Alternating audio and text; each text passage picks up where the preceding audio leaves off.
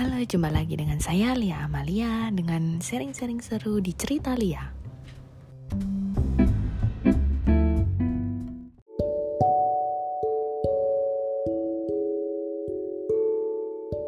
Sebenarnya hujan itu waktu paling tepat tepat buat kita itu menyalurkan bakat terpendam kita entah itu perasaan entah itu skill soft skill hard skill uh, mengungkapkan sesuatu hal itu emang paling atau mungkin bersyukur gitu uh, atau merenung itu emang paling enak itu saat hujan turun deras banget kayak gini. Apalagi ini turunnya di bulan Agustus awal jadi kayak ngerasa oh wow ini uh, suatu suatu perubahan iklim yang menurut aku waktu dulu di sekolah itu nggak pernah diajarin. Musim hujan tiba di bulan Agustus. Uh, mungkin karena faktor global warming juga sih terus kalau pas hujan-hujan gini yang paling sering keinget bener itu soal perasaan. Itu kalau aku nih. E, perasaannya apa sih yang bikin kita itu bisa kayak melamun, merenung, flashback mungkin atau memimpikan eh, bayangan-bayangan uh, yang nggak mungkin pernah akan kita capai sih sebenarnya. Ngomongin soal perasaan uh, aku jadi ingat sama ber berita beberapa bulan yang lalu soal ghosting. Ya uh, kalau zaman now kayaknya ngetrennya ghosting ya. Cuma di zamanku dulu itu ngetrennya itu PHP atau zaman sebelumnya itu modus uh, uh, uh, kalau di zaman yang lebih dulunya lagi mungkin apa ya kalau orang Jawa bilang eca eco gitu ya. Enggak enggak enggak lurus lurus banget gitu. Kalau aku sih menurut aku soal ghosting itu sendiri itu pasti semua orang pernah kena ghostingan bukan cuma soal cinta aja sih menurut aku sih. Nah, menurut sudut pandang aku ya bukan soal cinta aja tapi bisa soal menunggu kepastian lamaran kerjaan menunggu suatu hal yang kita impikan itu datang ke kita kayak rezeki nih kapan ya datang? Eh pas diharap-harap ternyata nggak datang-datang juga. Terus uh, menunggu hal yang menurut kita itu kayak wah kita pasti nih yakin yakin dengan dia yakin dengan dengan suatu hal yang kita tunggu-tunggu. Eh meleset juga. Itu sih kalau misalnya menurut sudut pandang aku. Terus kalau ditanyain per, uh, pernah nggak sih per, di ghosting gitu? Jawabannya ya pernah lah.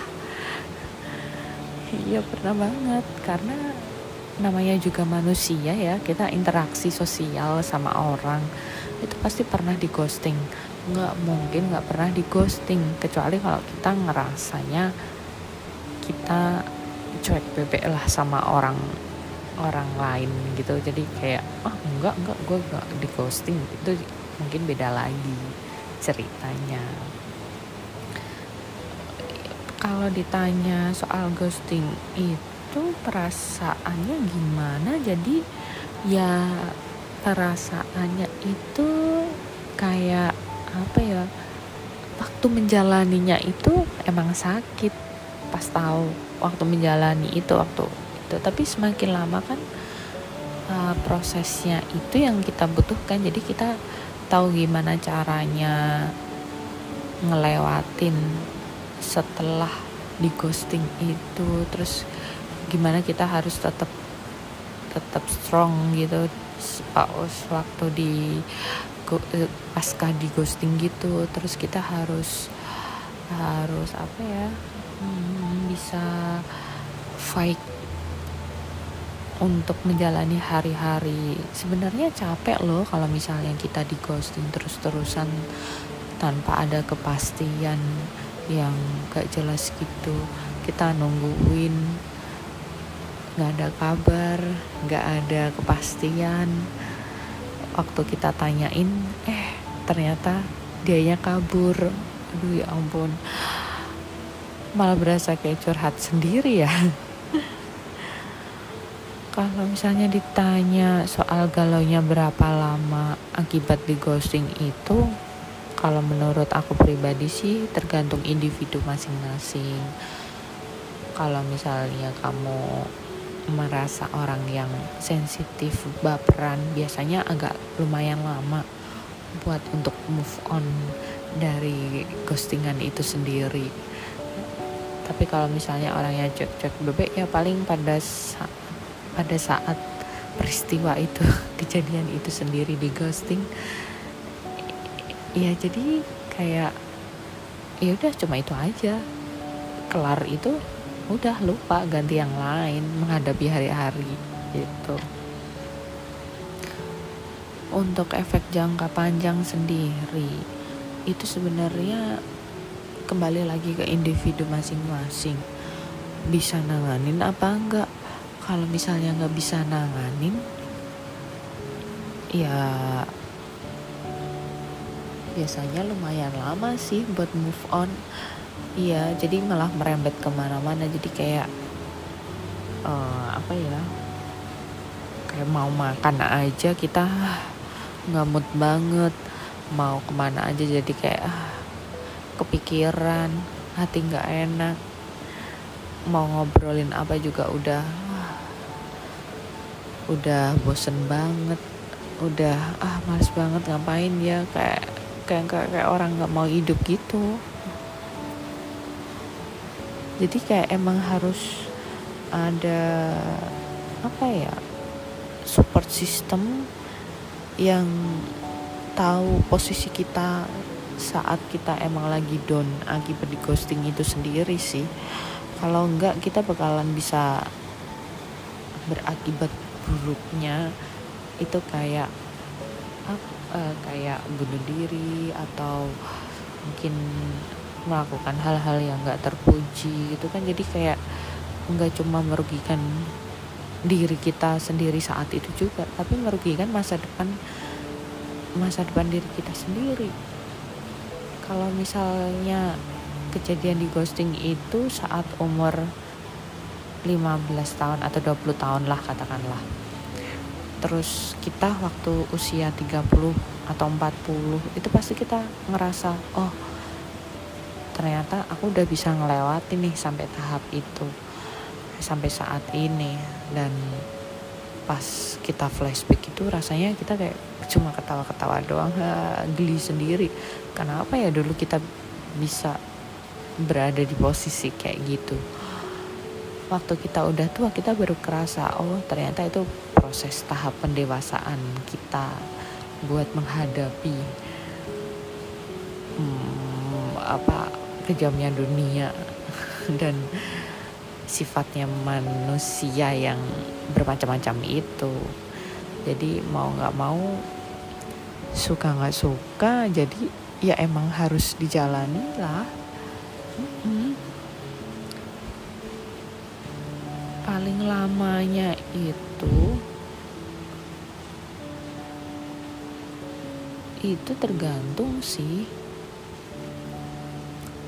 situasinya kayak gimana lingkungan sekitarnya mendukung apa enggak apa yang dia lihat gimana. Maksudnya dia lihat itu kayak kalau dia lagi galau terus kebiasaannya puter-puter lagu galau baca status-status galau ngelihat film-film galau dikit mewek itu kan makin bikin dia susah untuk move on dari ghostingan sendiri. Jadi kalau menurut aku sih buat orang yang sedang lagi di tahap ghosting itu lebih baik tarik nafas hembuskan ngomong sih sama diri kita sendiri. Oh ini berarti proses pendewasaan. Aku baru menghadapi satu orang atau mungkin beberapa orang ya tergantung ya kondisi masing-masing berbeda. Baru menghadapi yang namanya sifat orang yang berbeda. Nggak bisa yang kita atur sesuai kemauan kita sendiri. Karena tiap individu itu beda sama kayak kita. Kalau diatur pun juga nggak mungkin mau kan. Jadi ya ya udah. Kalau misalnya lagi pas posisi kena ghostingan saat itu juga ya udah di dijalani pada saat itu aja. Setelah itu ya mungkin masih ingat pasti sehari dua hari tiga hari.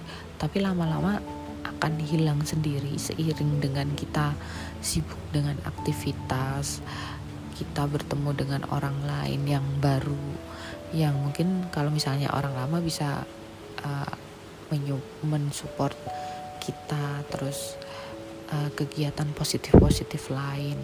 Beda kalau misalnya kita kena ghosting tapi malah kita ngerenung diri di kamar sembunyi denger-denger lagu galau terus tontonannya galau lihat lihat quote-quote galau. Wah pokoknya yang galau-galau itu malah makin membuat kita cuma stagnan di situ.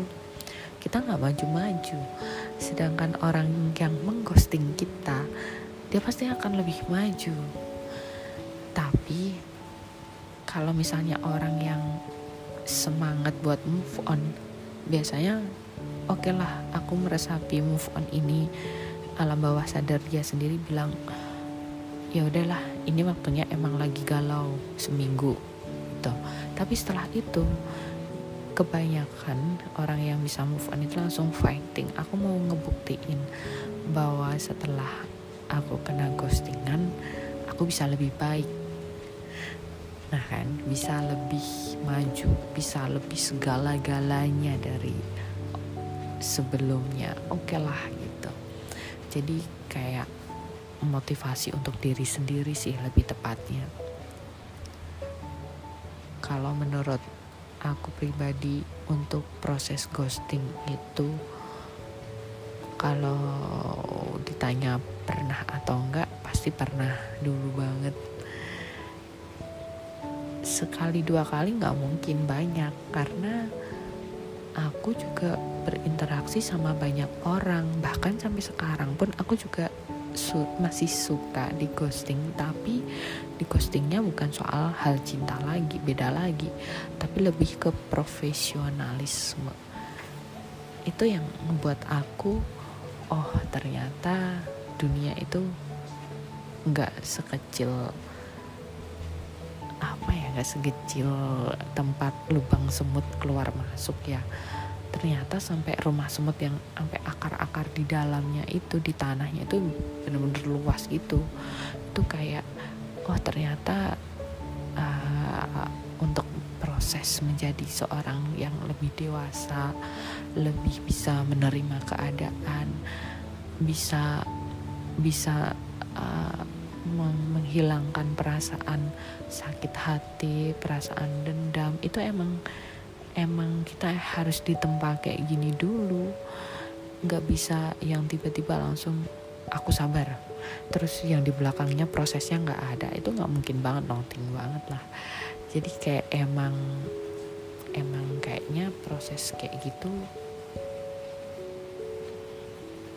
mengikuti mengikuti apa ya mengikuti kegiatan eh kalau mengikuti kegiatan mengikuti kita sendiri gitu sih.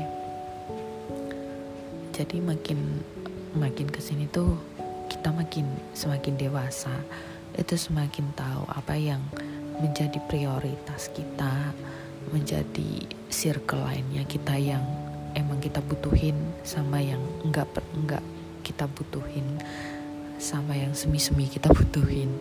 Itu pasti kita juga tahu. Udah berpikir pola pikirnya itu sudah udah nggak kayak anak waktu ABG dulu yang ya ya ya yang penting aku happy yang penting aku senang yang penting aku pokoknya cinta yang penting aku ngejalani apa adanya. Itu itu pikiran apa ya pikiran anak muda banget yang masih sifatnya masih labil ya yang masih mm, minim pengalaman perlu pendomplengan yang masih kurang jadi kalau untuk ghosting mengghosting ini menurut aku itu emang semua orang pasti akan mengalaminya. Enggak mungkin enggak akan mengalaminya. Cuman tergantung pribadi seseorang itu sendiri untuk me, me, meluapkan ghostingannya itu dengan gimana caranya dengan prosesnya bagaimana? Ya karena manusia itu hidup kan emang diciptakan sebagai makhluk sosial ya yang nggak mungkin hidup sendiri. Yang nggak mungkin hidup.